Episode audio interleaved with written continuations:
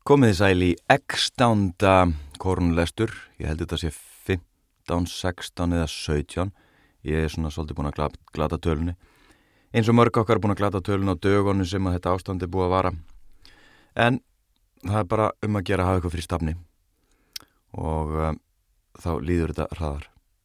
Og það sem við ætlum að hafa fyrir stafni núna, næstu 20, 30, 15 mínútunar, sjáum til er áframaldandi lestur úr árbók ferðarfélags Íslands frá 1945 og við ætlum að segja uh, skilið við árbók árbókina 1945 með því að lesa upp úr umfjöllun Guðmundar Kjartanssonar um eldkossin í heklu.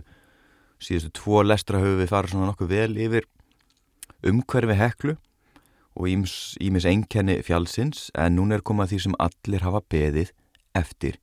Forvitnin um eldgós heklu.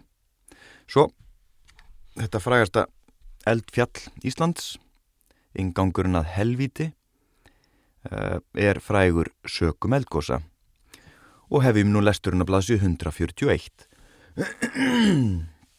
Í jarð eldasögum Þorvalds Tórótsen er rakinn saga heklugósa. Frá því er land byggðist fram til síðustu aldamóta. Þar er talinn 21 heklu eldur en á þessar öld hefur eitt bæst við 1913, svo nú eru þeir orðinir 22. Eru þá meðtalinn þau gós sem orði hafa skamt frá fjallinu sjálfu. En því fer fjarrri að heimildir um heklugós séu svo áraðanlegar að þessi tala sér nákvæm. Skrású er hér fer á eftir um heklugós er að lang mestu leiti tekinn saman eftir jarðelda sögunni. En bestu heimildirnar um heklu elda á 12., 13. og 14. öld eru mjög fáarðar og verða sömarteknar í heild upp úr íslenskum annálum. 1104. Elds uppkoma hinn fyrsta í heklufelli, Annales Regi. Annó 1106. Sandfalls vetur hinn mikli. Elds uppkoma í heklufjalli fyrsta sinni, Ottveri Annál. Annálana greinir á um ártalið. 1158.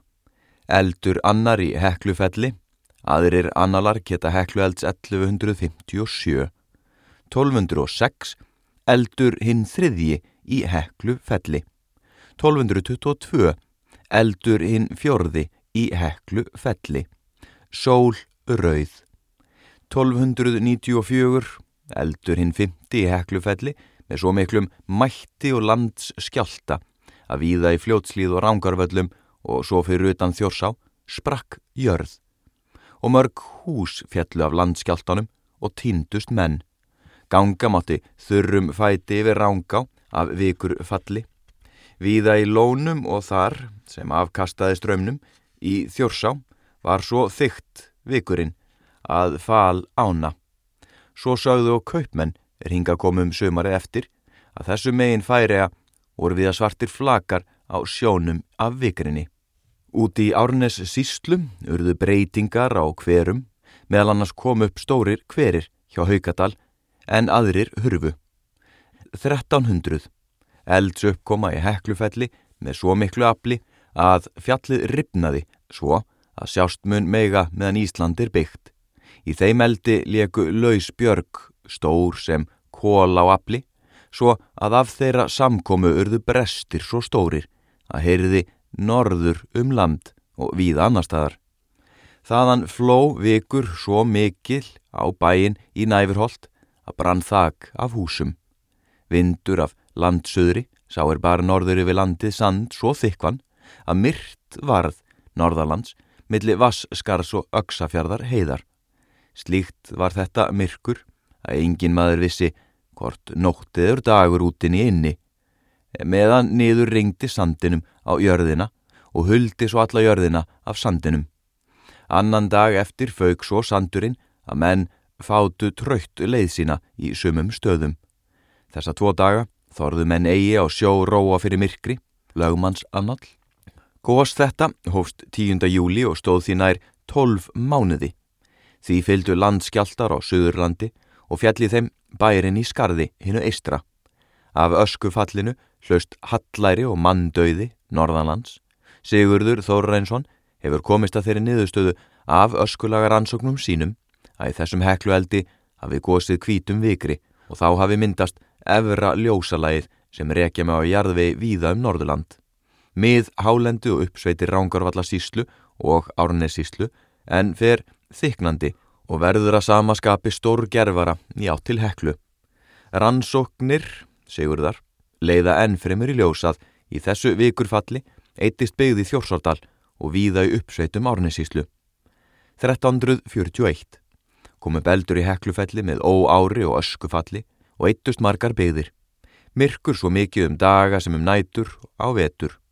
Tók askan í ökla undir eigafellum. Söðfi og nautfjenaður dó mest um rángarvöllu og eittin nálega fimm reppa. Dunur um allt land sem hjá væri. Ösku fallum borgafjörð og skaga svo að fjenaður fjall af og hvarvetna þar í milli. Menn fóru til fjallsins, þar sem uppvarpi var, og heyrðist þeim sem bjargi stóru var í kastað innan um fjallið. Þeim síndust fugglar fljúa í eldinum, bæði smáir og stórir, með ýmsum látum. Hugðumenn vera sálir. Kvíta salt svo mikið láð þar umhverjus opnuna að klifja mátti hesta af og brennist henni. Þorvaldur Tórótsen taldi sennilegt að Þjórsardalur hefði eðist í þessu gósi. 1389 til 90 elds uppkoma í heklufelli með svo miklum undrum að dönur og bresti heyrðum allt land. Tók af tvo bæi, skarð og tjaldastadi. Eittust skarð og tjaldastadir af bruna. Varð svo mikið vikra kastað, hest sló til bana. Öskufall svo mikið að margur fjenaður dó af, færði sér rásin elds uppkominar úr sjálfu fjallinu og í skóana litlu fyrir ofan skarð og kom þar upp með svo miklum bísnum að það urðu eftir tvö fjöll og gjá í milli. Kom upp eldurinn á fyrra ári en sloknaði á þessu. Urðu þar í nándir, hverar og heit vött. Svo sem bent var á framar í þessari bók geta fjöllin tvö í skóunum litlu fyrir ofan skarð vart verið önnur en rauðu bjallar millir geldinga fella og trippafjalla en það er ljóst af staðháttum að þaðan hefur raun flættum þær slóðir er bæjirinnir skarð eistra og tjaldastadir hafa verið. Hér þrítur hinn á gömlu annála og um næstu tvær aldir eru miklu lagari heimildir um heklu elda. 1434 Um þessar mundir er getið heklu goss er eitt hafi átján bæi á einum morgni meðal þeirra skarð eistra og dagverðar nes. En hér mun eitthvað málum blandað því að skarð varð undir raunflóði 1389-90 og hefur þar verið óbyggilegt síðan. Aðrar heimildir telja þetta gós hafa orðið 1439 og enn aðrar 1440. 1510, 25. júli hófst Heklugós með landskjálta og ægilegu grjótkasti um landsveit, rángorvelli, holdt og langt út í árnes síslu. Steinar komi niður á vörðufelli á skeiðum og einn drap mann út í skálholti, 45 kílometra frá heklu. Ég ætla að endur taka þetta. Steinar komu niður á vörðufelli á skeiðum og einn drap mann úti í skálholti 45 kílometra frá heklu. Takk fyrir. Annar maður dauð rótaðist austur í landsveit og enn aðrir meittust. 1554. Kjöri tækifæri, ég er nú búin að nefna þetta marg oft, þetta er smá innskot hérna, að ringi eldri ættingja og spyrja um hvort að þau hafi nokkuð tíman orði vittni af uh, að eldgósi, af að eldgósi. Og uh, ef þið hafi orði vittni að eldgósi, þá deila því. Þið geti sömulegis kannski sendum slóð á YouTube trailer af uh, heimildamindinni Into the Inferno, eftir Werner Herzog, skemmtileg sín og þar er Ísland og önnur lönd í forgrunni. En þetta vekur upp minningar hjá mér. Uh, gósið Eyjafellauökli fimmverðahálsi en sérstaklega Eyjafellauökli þar sem að ég fóð nú ekki mjög nálagt en, en uh, var á svæðinu og sá sá sagt, þetta steinkast um, kölluða bara svo þetta gríðastór björguð þetta. En þá félagið minn hann Afni Ben hljóðuptökumæður, hann fór aftur á móti með með uh, held ég að veri fréttastöðu eða heimildarmynd uh, til hljóðuptöku þá var verið að taka upp myndbrót hann og hann var hljóðuptökumadurinn og það voru aðstæðir sem að, já, það stóð ekki öllum alveg á sama. En við munum kannski öll eftir eh, fréttamyndum hans Ómas Ragnarssonar. Hann flög þarna með eina hend á stýri og hinn á myndavel og, og tók upp og held að hann hafi nú náða að taka upp uh, merkilegar hljóðbylgjur, svona hljóðsprengjur og þá komu svona sínilegar bylgjur út frá uh, eigafjallar, eigafjallarjökli. En við höldum áfram lesturinn, afsaki þetta einslag, en við notum öll tækifæri til þess að hugsa um ykkur uh, umræðefni til þess að ringi eldri ættingja og, og spjallum eitthvað annað heldur en koronaviruna. Þótt hún sé að vissu leiti í sjálfu sér gríðala áhrifamikil uh, sprenging. 1554. Í lókmæmanar kom upp eldur skamt frá heklu og stóð sex vikur. Öskufall var ekki til skada en snarpir og tíðir jarð skjáltar. 1578, lítið heklugós í nógumbermániði, bæir rundu af jarðskjálta úti í Ölfusi. 1597, 3. janúar kom upp eldur í heklu með miklum ofsa og stóð fram í marsmánuð en raug enn úr fjallinu í júli. Hekla síndist öll í báli og töldu menn átján elds stróka upp úr henni. Askafjallum mestan hluta lands, snarpir jarðskjálta kippir, fundust í skálholti í byrjun gossins og um vorið rundu bæir af jarðskjálta í Ölfusi. 1619. Um sumarið kom upp eldur í heklu með skadræðis ösku falli og fylgdi því myrkur norðan lands. Í Bárðardal og Víðar varð að hætta slætti í viku. Aska barst allt til Færea og Noregs 1636. Hekla tók að gjósa 8. mæ og var að allt sumarið. Eldurinn kom upp í mörgum stöðum, öskufall, allir grasbresti og fjárfelli. 1693. 13. februar hófst eitt hið ægilegasta heklugóðs sem sögur fara af. Gauðs fyrst upp ösku mökkur með braki og brestum og óskableiri grjót og vikur hríð um landsveit, þjórsárdal ofanverðar hreppa og biskupstungur. Eitust þegar átján bæir í þessum sveitum en flestir þeirra byggðust upp aftur síðar. Steinar á starði hús fjallu niður mílu vegar frá fjallinu og nálátt skarfanissi á landi 15 kílometra frá heklu kom niður glóandi stein, nokkur að faðmað ummáli og sprakk sundur í móla í fallinu. Öllu þessu fylgdu snarpir jarðskjálta kippir þrumur, eldingar og helli skúrir. Í byrjun þessa goss tilur Daði Haldorsson litlu heklu hafa sprungið í loftu. Gossi helst fram í miðjan september mánuð með miklum ofsa og öskufalli framanaf en dró heldur úr er á leið. Eldurinn kom upp á mörgum stöðum í fjallinu en var einna stöðuastur hæst á því. 14 gígar sáust gjósa samtímis. Áðurum við förum í næsta gós sem er 1725 þá uh, er hér á milli mikill myndakabli og við lýsum honum örsnögt svarkvít, svarkvítarmyndir allt saman. Það er raunteikslækur, afskaplega falleg svona lítil gróður vin sem likur frá heklu og byrki skóar í kring og það eru skí á lofti og snjóri í daldum á heklu. Næst, og þetta er mynd eftir Gísla Gjertsson Eh, önnur mynd eftir gísla er Næfurholt, rústirnar til vinstri eru þar sem bæi, bærin stóð til 1912. Annar stærstu steinana hrundi ofan úr hálsunum í jarðskjáltanum. Svo er það raun nef hjá gamla Næfurholti, gísli Gjersson mynd svarkvitt og það er bara raun sem að hefur lekið þarna niður, á túnið. Galtalækur, heklað síður torfanum innan við galtalæk, Vikrar við Ófærugil, þetta eru myndir eftir Gísla Gjertsson og svo Þorsten Jósefsson. Gísli Gjertsson tekur við næstu þrjármyndir, Vestan undir Norðurbjöllum, Vík, Vikur bakki Ófærugili, Selsundslækur og Háafjall, minnst svolítið á, á hluti af landmannlögum eh, sem svæðið þarna.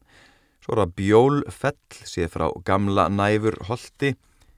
Svo er það skemmtileg myndi þarna, Þorsten Jósefsson hefur eh, eins og hann hafi stokkið að baki uh, hlaupið steinsnar frá hestum. Fekk hann að símdal glemt að setja síman á silent. Beginner's mistake. Uh, já, hérna er svo ljósmyndarinn. Þorstein Jósefsson hafi hoppað að baki við kjaft Víðagil eða Víðagil og hlaupi steinsnar frá rauða hestum 1, 2, 3, 4, 5, 6, 7, 8, 9 hestar í þráðbyrni rauð, maður á hestbakki í miðjunni og hann smelti af mynd með heklu í bakgrunni. Svo er það ís og grænavatni, tveir menn út á ísnum. Svo er það mynd eftir Guðmund Kjartansson og þetta virðist vera teikning, raun nef innan við rauð öldur. Næsta er líka teikning eftir Guðmund, rauð öldur síðar af gráfelli. Svo er það vikur holl austan við Norðurbjalla, í Ringlanda hrauni, Rím þoka á heklu. Svo er það nýja hraun, Mundafell, Kraka, Tindur og Kvíslu nýja hrauni, teikning, þess að það er helmikið að myndum. Svo er það stærsta eldvarpi í nýja hrauni og hestalda, síðabrúninni, norður af Rauðufossafjallum og þetta er svona eins og bara bergstál sem þarna trónir hann upp úr hlýðina fjallinu. Ekki góð myndran lýsing hjá mér. Ég ætla enda þetta að lýsa hérna Rauðafoss hann minnir svolítið á dinjandi kannski. Hann svona breyðir svolítið úr sér en hann endar aftur mútið gili hann svolítið flott. Fossin breyðir úr sér víkar en gilið mjókar inn hann er svolítið symmetríst svona öfug vöff í gangi. En herru þetta er komið allt og mikil tími í myndalýsingar svo við höldum áfram með textalýsingar á heklugósum 1725. Annan apríl sást gjósa upp eldur í heklu og begja vegna við hana, alls á 9 til 11 stöðum. 1728 sást eldur í raununum vestur af heklu en aðeins þrjá daga. 1766 að morgni 5. apríl hófst storgós í heklu og stóð með litlum kvildum fram í apríl mánuð 1768. Um þetta gós eru til all nákvæmar skýrslur, skrifaðar af sjónarvottum og er það rakin saga þess frá upphafi til enda. En hér skal aðeins drepið á fátt eitt. Nóttin áður en gósi byrjaði, fundu menn snarpa jarðskjálta kippi og litlu síðar hófst mjór, svartur gósmökkur hátt í loft upp úr fjallinu og lagði til norðvesturs. Tók þá að rigna grjóti, vikri og ösku um næstu sveitir. Til dæmis kom niður vikur flikki sem var tveir metrar að ummáli í 15 kílometra fjarlægð frá heklu og í 22 kílometra fjarlægð steinn sem vó 1,75 kíló. Öskufallið eitti 5 bæi í landsveit og nokkra í uppsveitum árnissíslu, mikil spjöll urðu afréttum rángaenga, hlaup kom í ytri ránga og bæði hún og þjórsá báru kynstur að vikri til sjávar. Fám dögum eftir að gósi hófst rann raunflóð til söðvestur frá heklu í stefnuða geldinga fell. Síðar hefur það raun stækkað miklu mun og önnur kvísl þessu runnið fram austar. Þá má enn fremur telja fullvíst að í þessu gósi, sennilega eftir miðjan september 1766, hafi runnið bæði, ringlanda raun og raunnið austur af heklu auksl henni innri. Ofsi gossins var feikilegur fyrstu vikurnar og sáum menn alltaf átján elds stolpa í einu upp úr fjallinu.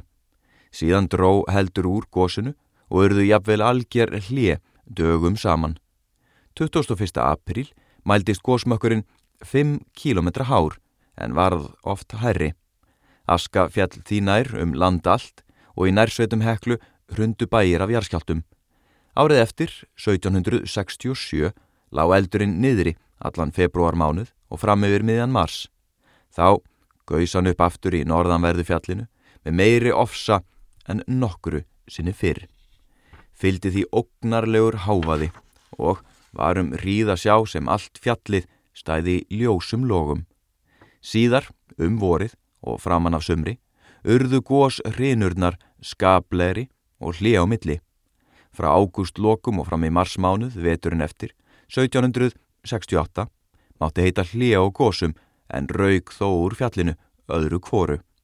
Í mars og april sást hekla en gjósa reikum daga og eldum nætur. Loks í mæmánuði var gósinu slotað að fullu en í lok hans fundust þó enn jarðskjáltakipir í nágrenni heklu.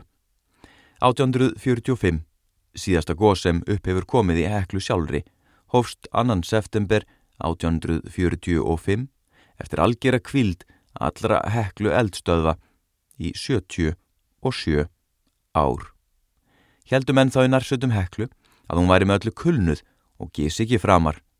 Gós þetta stóð sjö mánuði en var þó eitt af hinnum minni og meinlausari heklu gósum.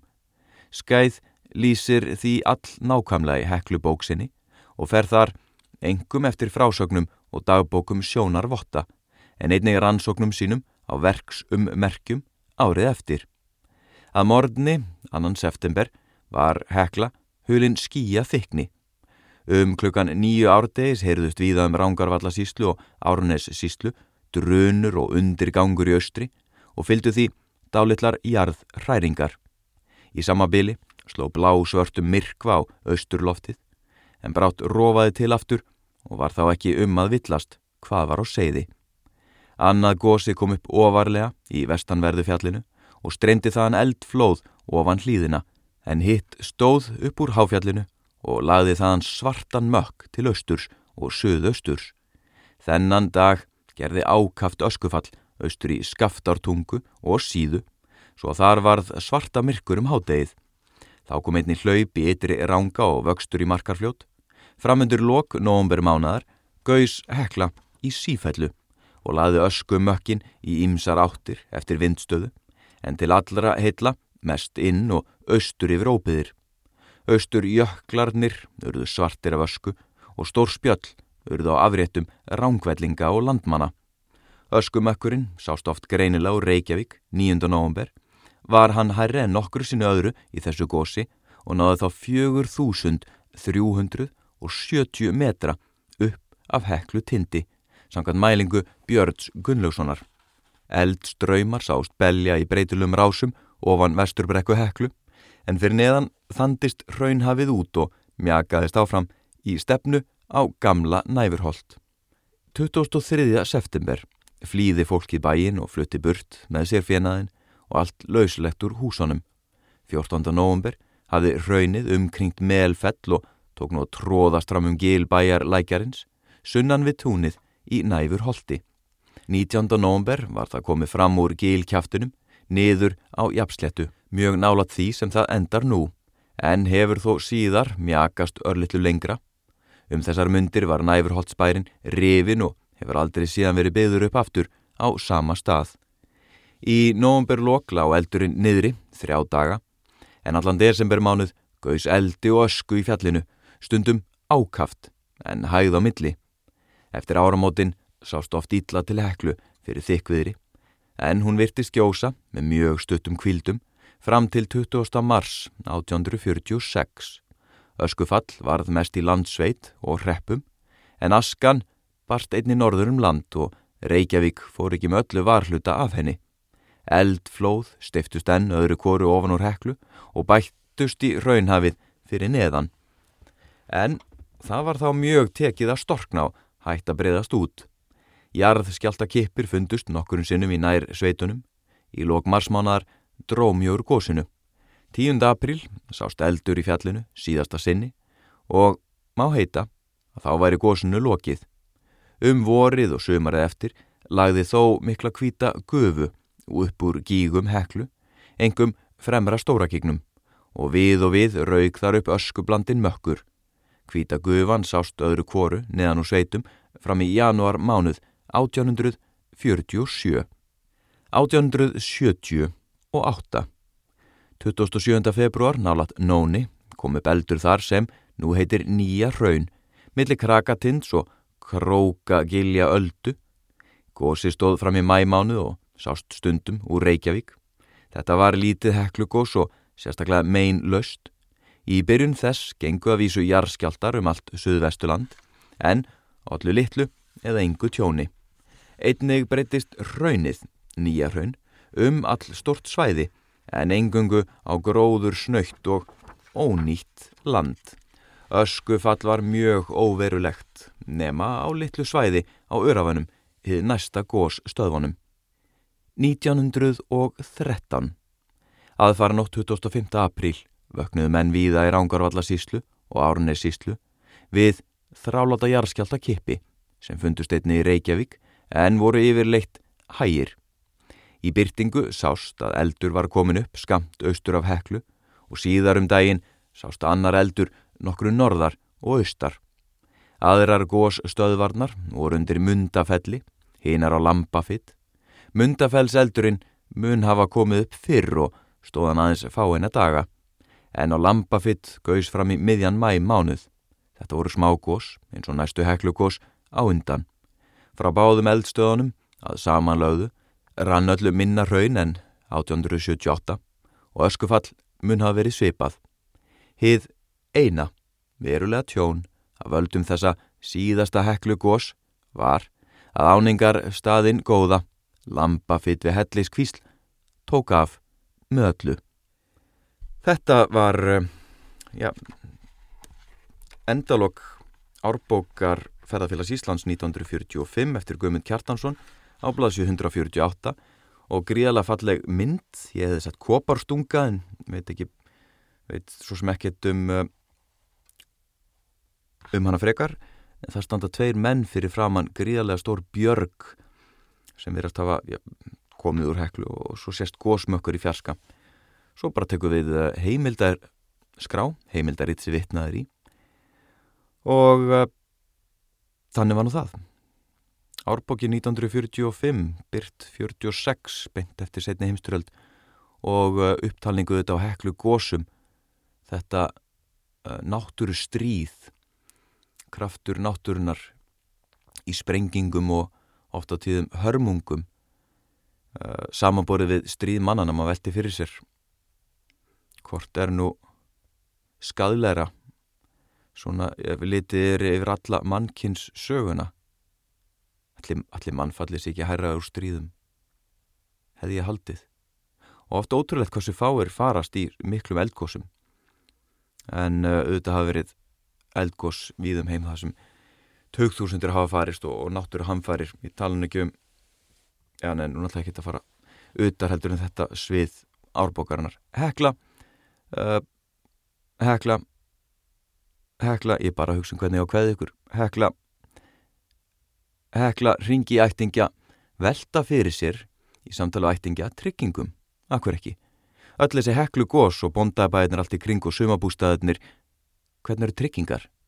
Force majeure, lesi smáalitrið, ringi ættingja og spyrjum tryggingar, velta fyrir sér tryggingum. Hvort að tryggingarnar hafi verið öðruvís áður fyrir hvort einhver hafi upplifað eða lendi vandrað með að fá greitt úr tryggingum. Núna loga alla línur hjá tryggingafyrirtækjum eftir páskana. Herri, ég þakka bara fyrir mig, ég ætla ekki hafa þetta lengur úr þessum lestri.